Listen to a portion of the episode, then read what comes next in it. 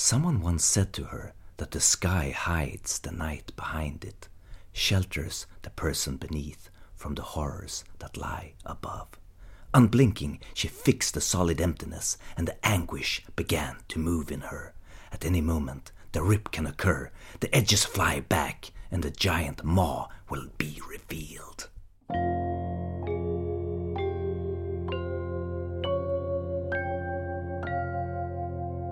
Hej och välkomna till Udda Ting, en podcast om sällsamma historier, kreativitet och kreatörerna själva. Mitt namn är Henrik Möller, musiken är skapad av Testbild och loggan till podden är gjord av Malmökonstnären Nalle Chinsky. Det här avsnittet ska handla om en av mina absoluta favoritförfattare, Paul Bowles, född 1910 i New York och död 1999 i Tanger, Marocko. Bowles bosatte sig i och för sig redan 1947 i Tanger efter ett kringresande liv där han beskriver sig själv som en traveller snarare än en turist. En turist, skriver Bowles, är en som efter några veckor skyndar sig hem, medan en traveller reser sakta i perioder av flera år utan att känna sig mer rotad på en plats än en annan. Nu blev det ändå så att Bowles fastnade i Tanger i 50 år. Något som man inte kunde ana då, 1947. Bowles började sin karriär som framgångsrik musiker i New York och studerade med Aaron Copland som lärare. Han umgicks med Gertrude Stein och andra dåtida storheter. Senare så skulle han bli vän med beatpoeterna och i vissa kretsar kallas den första biten, en stämpel som man själv inte vill ha någonting att göra med. Men hur som helst så var han delaktig till att inspirera sin vän William Burroughs att flytta till Tanger. Det var där hans fru Jane Bowles, som var författare, inspirerade honom att börja skriva och släppa musiken. Och han skrev då sin första och kanske mest kända bok, The Sheltering Sky, om paret Port och Kit, som många anser är ett direkt porträtt av honom själv och Jane. Men det kan ju diskuteras om. Den här boken blev senare filmatiserad eh, 1990 tror jag det var, av Bernardo Bertolucci, rykande het efter sin dundersuccé med den niofaldigt Oscarsvinnande filmen Den siste kejsaren. Det är absolut ingen dålig film, men de flesta håller nog med om att den hade vunnit på att vara lite mer trogen boken, i alla fall i slutet. Inte minst Balds själv, eh, som var, i och för sig var nöjd med att Bertolucci filmatiserade boken, eh, men eh, han valde att inte kritisera hans märkliga val i den sista delen av filmen, för att inte skapa dålig stämning på själva filminspelningen, som han själv uttryckte det. Bals största kritik då mot slutet, det var att Kit bara går rakt ut genom dörren där hon hålls fängslad, helt obegripligt, utan problem alltså, och sen anfalls på ett märkligt och symboliskt sätt av byns kvinnor. Sedan så gillar han inte att han själv gjordes till en karaktär i filmen, som en sorts betraktare av sina karaktärer, eh, som han ser tillbaka på som en gammal man. Hur som helst, filmen blev ändå framgångsrik eftersom det var en Bertolucci-film och boken nytrycktes och gav antagligen Bowles en rejäl, ett rejält tillskott i kassan. Så ingen börjar vara alltför ledsen. Det är också genom filmen som flera människor upptäckt boken och nu kommer jag till varför jag inte har gjort ett avsnitt av Bowles, en av mina absoluta favoritförfattare för eh, nu liksom, vad är vi uppe i? Avsnitt 142 av podden eller något sånt. Eh, jo, det är för att The Sheltering Sky är lite för konventionell historia, i alla fall i första tanken. Den har ju några kosmiska rader, som såklart den om den skyddande himlen som döljer stora käftar eh, i det kosmiska mörkret redo att sluka mänskligheten. Men vi får inte glömma att Bowles skrev en massa fantastiska short stories också. Och det är här udda ting-vinkeln kommer in. Fabler som ibland är rena skräckhistorier. Marockanska mytologiska väsen i The Circular Valley och By the Water. Bestialiska mördare i The Delicate Prey och eh, A Distant Episode. Året 1998 var jag i Tanger och jag tänker idag att tänk om jag hade varit lite mer bevandrad och driven då. Då kanske jag hade hunnit träffa min idol innan han dog. Men jag var bara 22 eller 23 år vid tidpunkten och att bara överleva i Tanchers galna värld var nog för tillfället. Hur som helst, dagens gäst är någon som har träffat Paul Bowles vid flera tillfällen i Tanger och eh, bland annat översatt hans dikter. Det är schweizaren Florian Wetsch. I've heard that you met Paul Bowles during your translations. Yes, I've met Paul Bowles for the first time in October 93 in Tangier. And I went there to discuss my translations, my German translations of his poetry, of his poems, of the volume Next to Nothing. And I had some questions, and therefore I wrote him a letter. And he invited me to come to Tangier, what I did in October 93. And I took the chance to write at the same time an essay on his existence and, and, and work in Tangier, in Morocco. This essay was printed in the Neue Zürcher Zeitung in the NZZ. Afterwards, I've visited him until the last year of his, of his life, until 99, every year, two or three times, because uh, I continue to work on the translations of his poems. And I made a long interview with him concerning Gertrude Stein, whom he has he had met uh, as a very very young man in Paris during this time, it was in 1995, Paul Bowles gave me a theater piece entitled The Garden. It is based on his short story, The Garden. One of the things I was wondering about was that he seemed like a person firmly grounded in reality, but uh, at least early on as a musician and so on and beforehand, but particularly, I mean, in his short stories, there are so much supernatural stuff, magical realism, and I wonder where, where did that come from?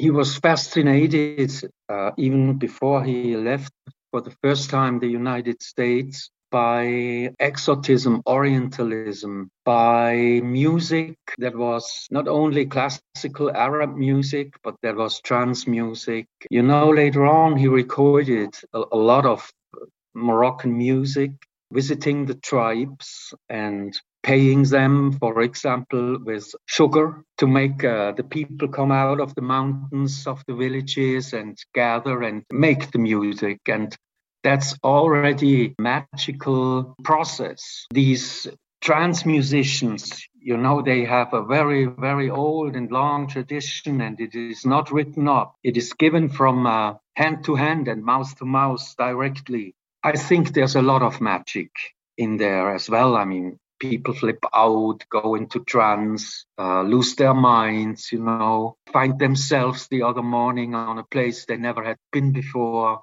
Things like these happen. Magical realism is a part of Bowles' uh, stories, absolutely.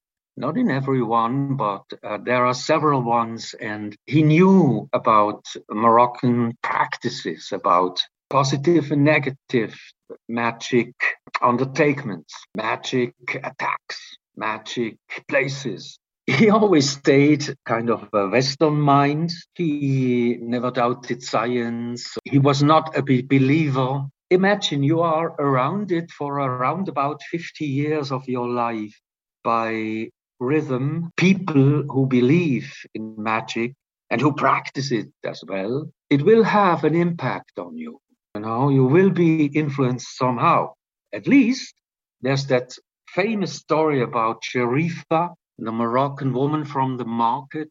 Uh, Jane was in love with her, and this woman took profit of the Bowleses. And one day they found in a pot of plants magical substances. Bowles um, made Sharifa leave her, her their leave their household, and she had to go. But later on, she came back because Jane did not want to get rid of her.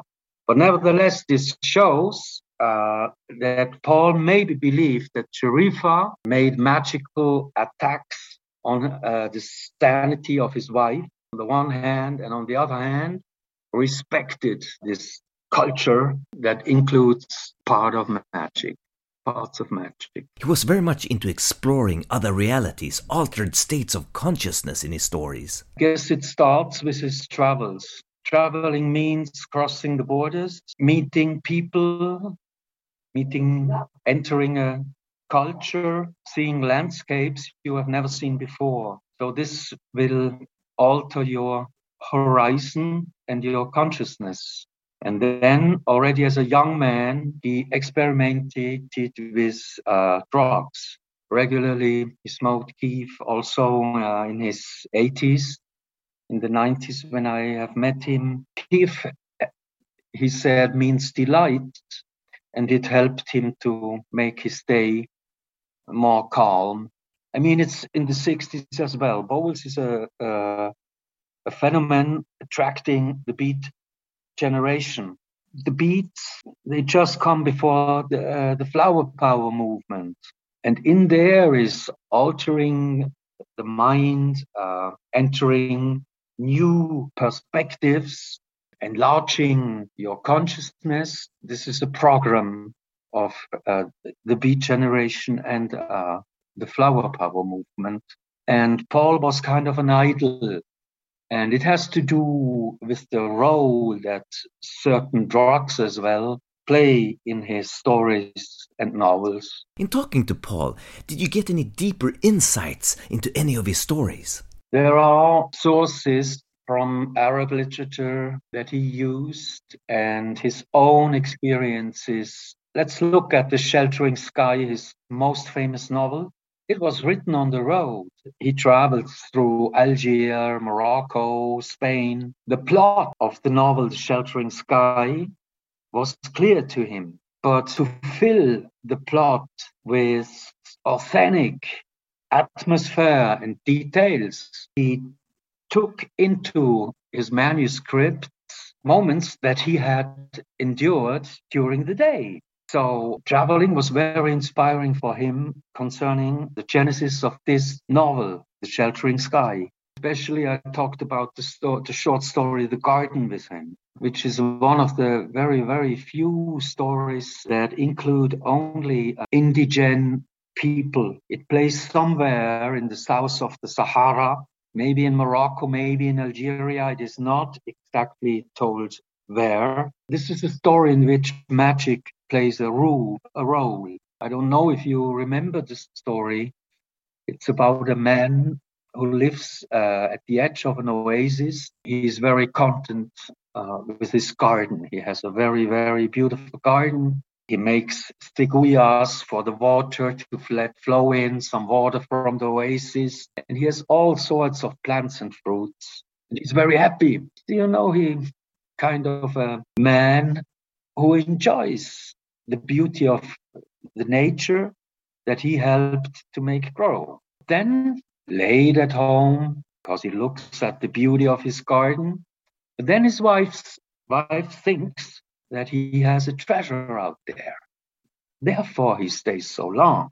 And she goes to a witch to give her a poison to make him speak. But the wife gives him too much of this gift, of this poison, of this poison, you know, she, she poisons him, but uh, he can't, first he can't talk anymore, and after he falls asleep, his mouth open, the wife thinks that she has killed her husband. And the witch tells the wife, I don't know you, go away, go to your relatives uh, somewhere out there in another village uh, and never come back anymore. But the man does not die. After three days, he gets out of his coma and goes back to his garden and lives there. He had has forgotten everything. That's the effect of the poison. He doesn't remind any and nobody, no one, neighbors crossing by, and he just says hello, like you say to a stranger, good morning. That's all. They start to wonder, where is his wife? The Imam remarks he doesn't come to the mosque anymore. So he rents him a visit out there in his garden, and the man tells him he's, he's friendly, you know, he's very calm and kind. He tells him, yeah, how he loves the beauty of his garden. And the Imam says, Oh, you should thank Allah uh, for this garden? And he says, Who's Allah? Uh, I have made this garden by my own. I didn't need anybody's help. And then the Imam strikes him, goes back and says uh, he does not share our religion. This man is a big danger. And people say that probably he has killed his wife and buried her in pieces in his garden out there. And they go for him, they kill him. The garden disappears. There's only the desert left. Yeah, that's the story. And I wondered is there some kind of real incident uh, behind it, something that happened. And he said, no, uh, uh, I, he did not refer to anything. But recently, a friend of mine told me that there is a Sufi story from the tradition of Sufism in which uh, the man is a Sufi and the rest represents the mainstream Islam, you know, the fundamentalist uh, Islam. That's very interesting. Probably Paul knew this story. Maybe not. Maybe he knew it. Uh, I don't know. Maybe he forgot the story. Maybe he had read it in his in his teens. I, I, you never know. But he did not mention it. It was an Orientalist who told me. Paul Bowles translated many Moroccan authors, among them Muhammad Mrabet, and for a long time there was a discussion whether Muhammad Mrabet was a real person or not. Everybody assumed for a while that uh, it was Paul Bowles' alias, and they wrote 14 books together, which actually was translations of Muhammad Mrabet's original storytelling, written by, uh, transcribed and written by Paul Bowles. But uh, could we talk a little bit about these different collaborations that Paul Bowles had with the Moroccan authors, Moroccan artists? Paul translated Moroccans like Muhammad Mrabet and Larbi Layachi or Ahmed Yacoubi, who did not write by their own. They were storytellers. Yacoubi was also a great painter, and Mrabet is a great painter. But uh, I think this fact that Paul started to translate, I mean, he made more or less a dozen books with Mrabet, many books. The fact that he started to do this had an influence on his own writing because the storytelling of Moroccans is very, very direct. It has no ornamentalism. It has no interpretation. It does not tell what what's happening inside. Has a, a great suspense and drive in pushing the action forwards. And the later storytelling from the 60s on, you could say, has taken advantage of his Moroccan experience, of uh, his translations of Moroccan writers. Now, Mrabet is a very special case. He was befriended with Paul Bowles for a very, very long time, and they visited the Cafe Hafa, spent there a, a lot of times. And Mrabet told his story. Mrabet is a is a uh, is on the one hand a traditional Moroccan storyteller.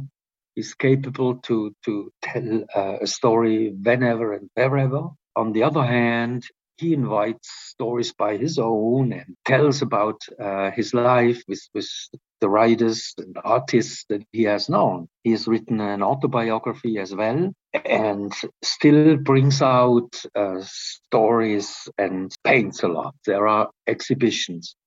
Now he's about hmm, 80 years old, but he's still going strong.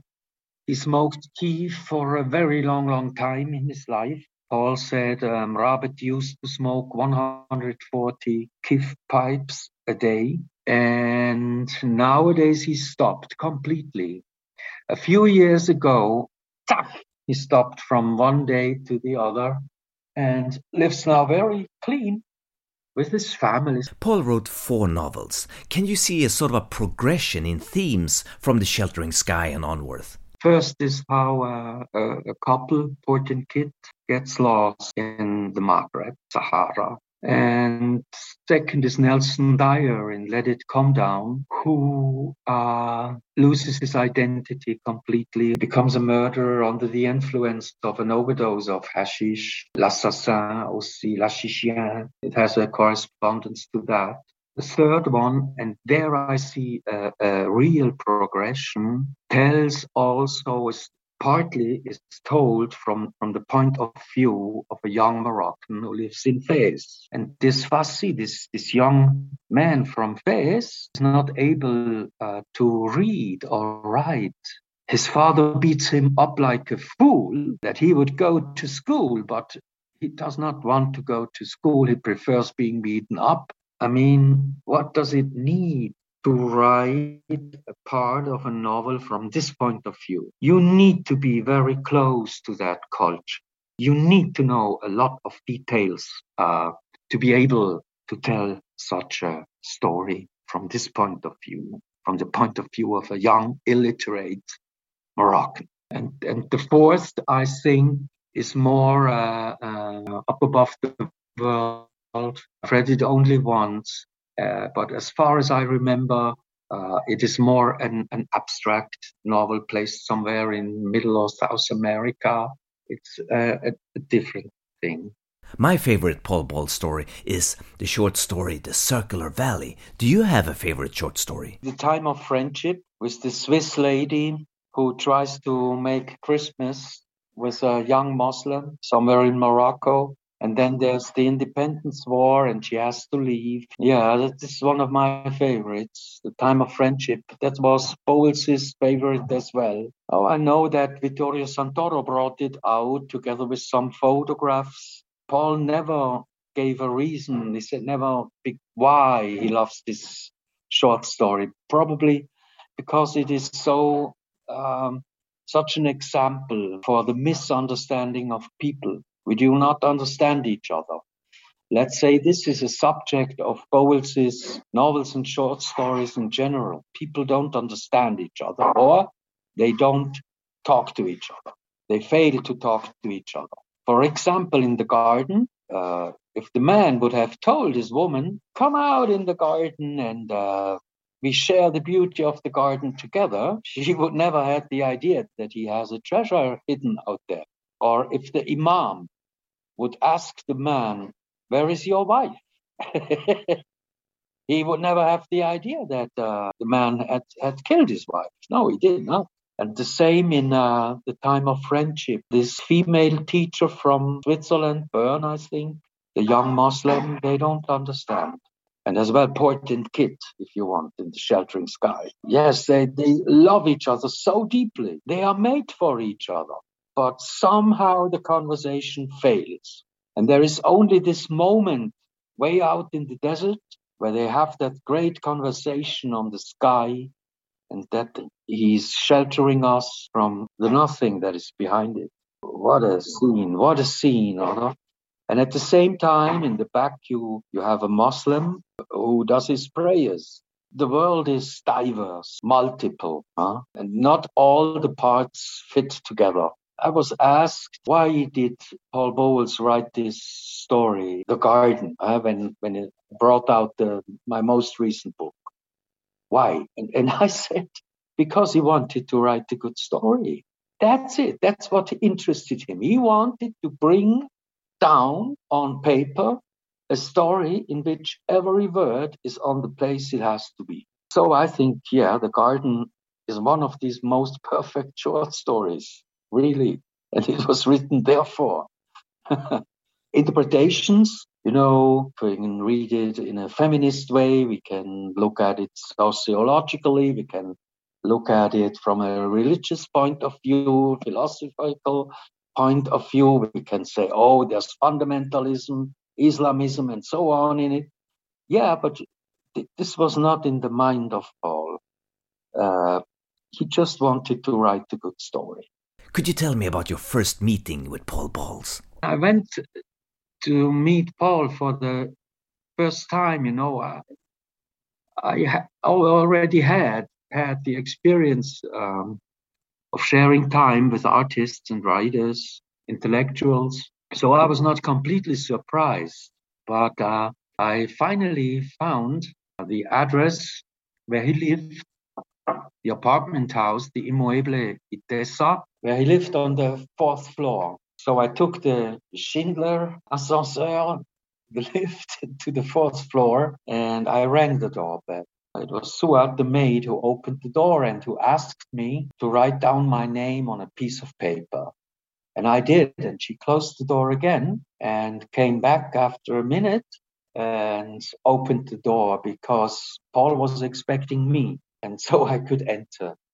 And I found there many people were gathering around him. Famous photographer Cherie Nutting, who brought out yesterday's perfume later on. Beautiful book of photographs on Paul Bowles. And there was the composer, the American composer Philip Ramey. There was the German translator Pociao there, and her husband Roberto de Hollanda. Later on, there showed up Abdul Wahid, who took care of Paul for several decades, as far as I know, late 80s and 90s. The atmosphere was completely relaxed. I was completely welcome, and uh, it, it, was to be true. It was very, very funny. In between, Philip Ramey asked, Did you expect an existentialistic seminar here? I said, Oh, no, oh, no. I, I, I love the presence of these people. And Cherie said, Oh, I have a headache.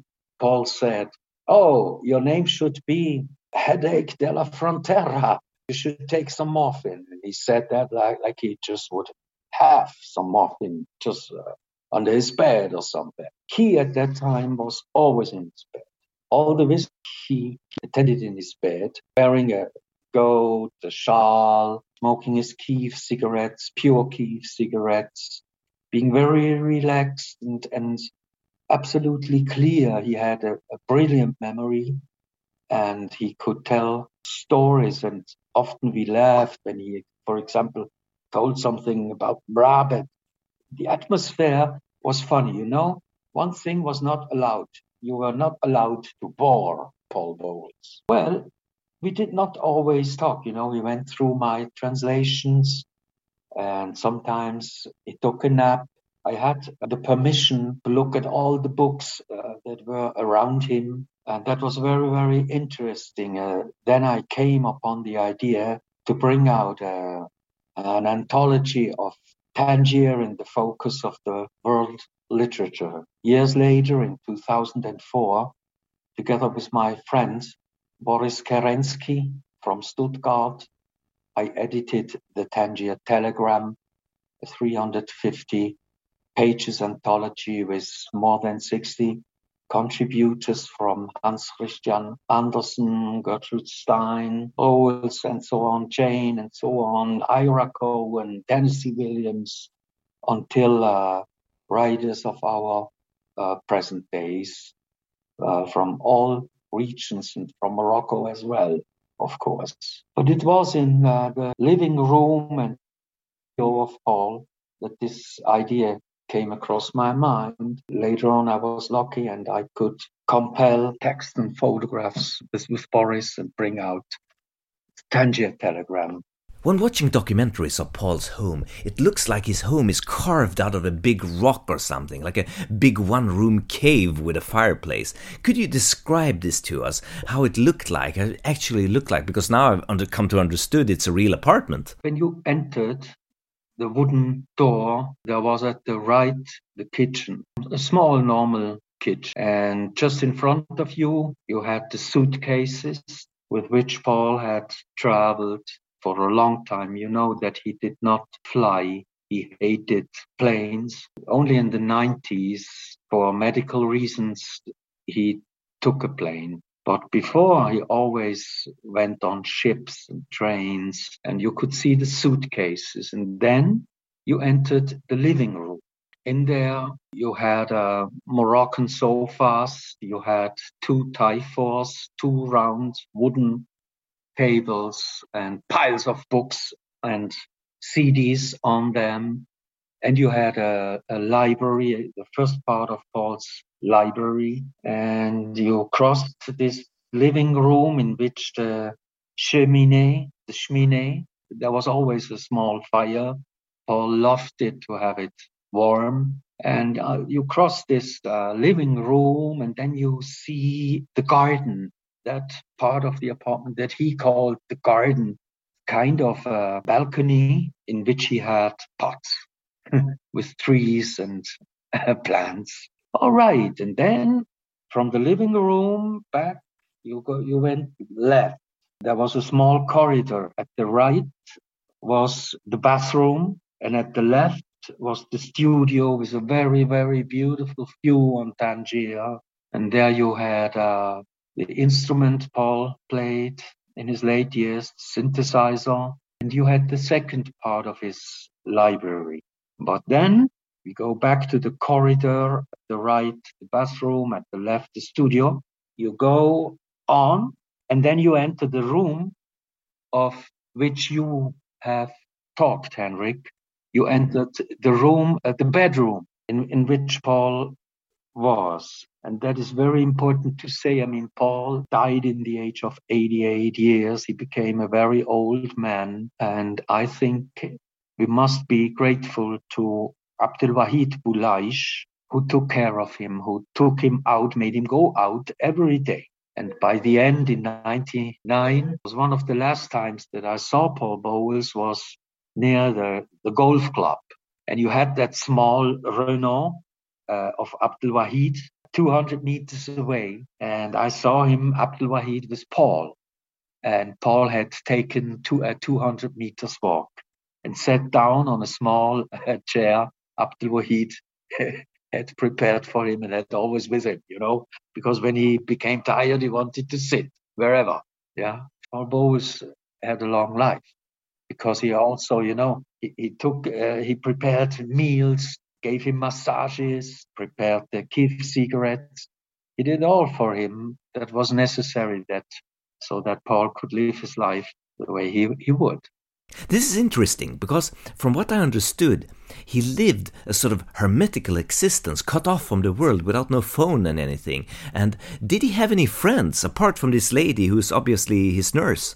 Abdul Wahid was sort of his maid and Suad. Suad on Sundays and Abdul Wahid during the week. And then there were the visitors. It was very, very hard to find time to work with Paul without any visitors because sometimes people dropped in, you know, uh, a pair from Barcelona.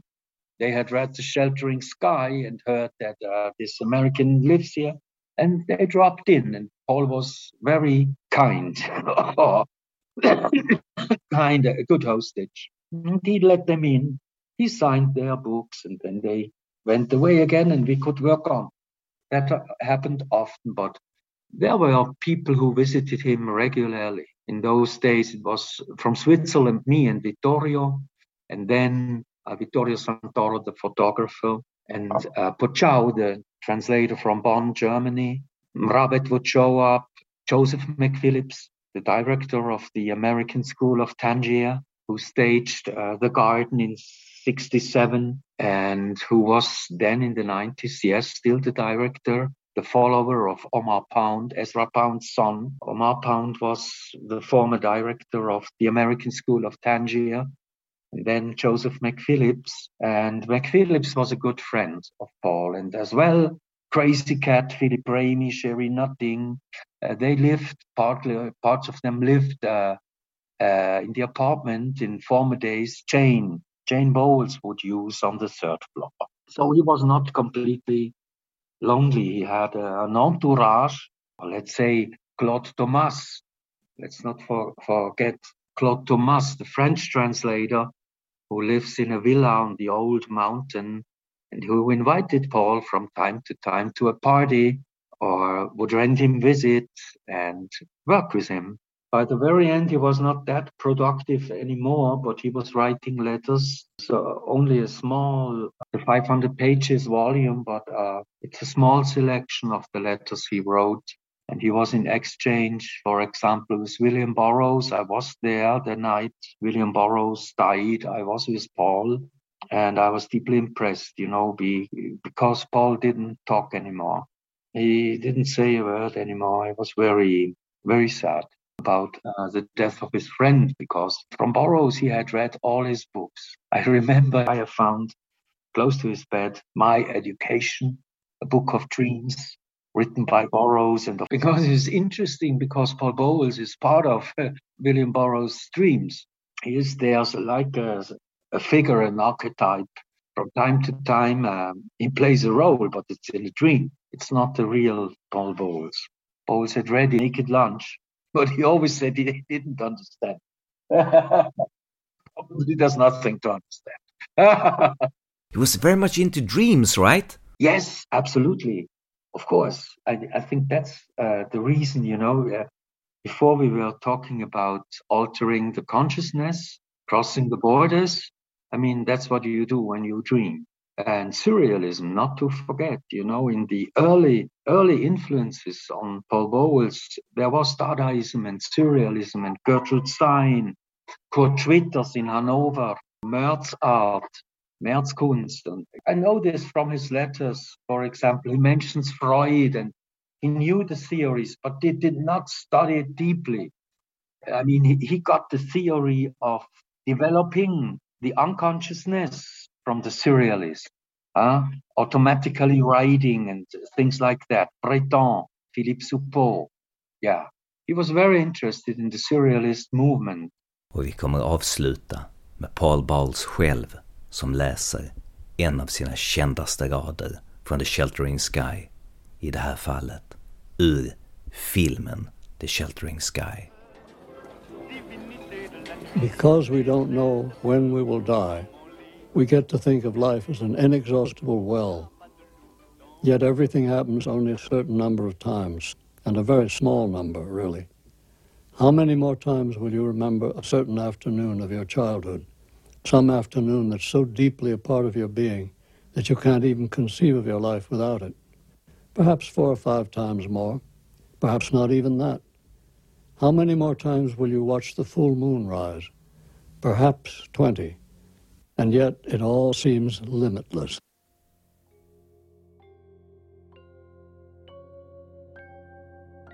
Och med de orden så var det slut för den här gången. Mitt namn var Henrik Möller. Musiken var skapad av Testbild. Hej då!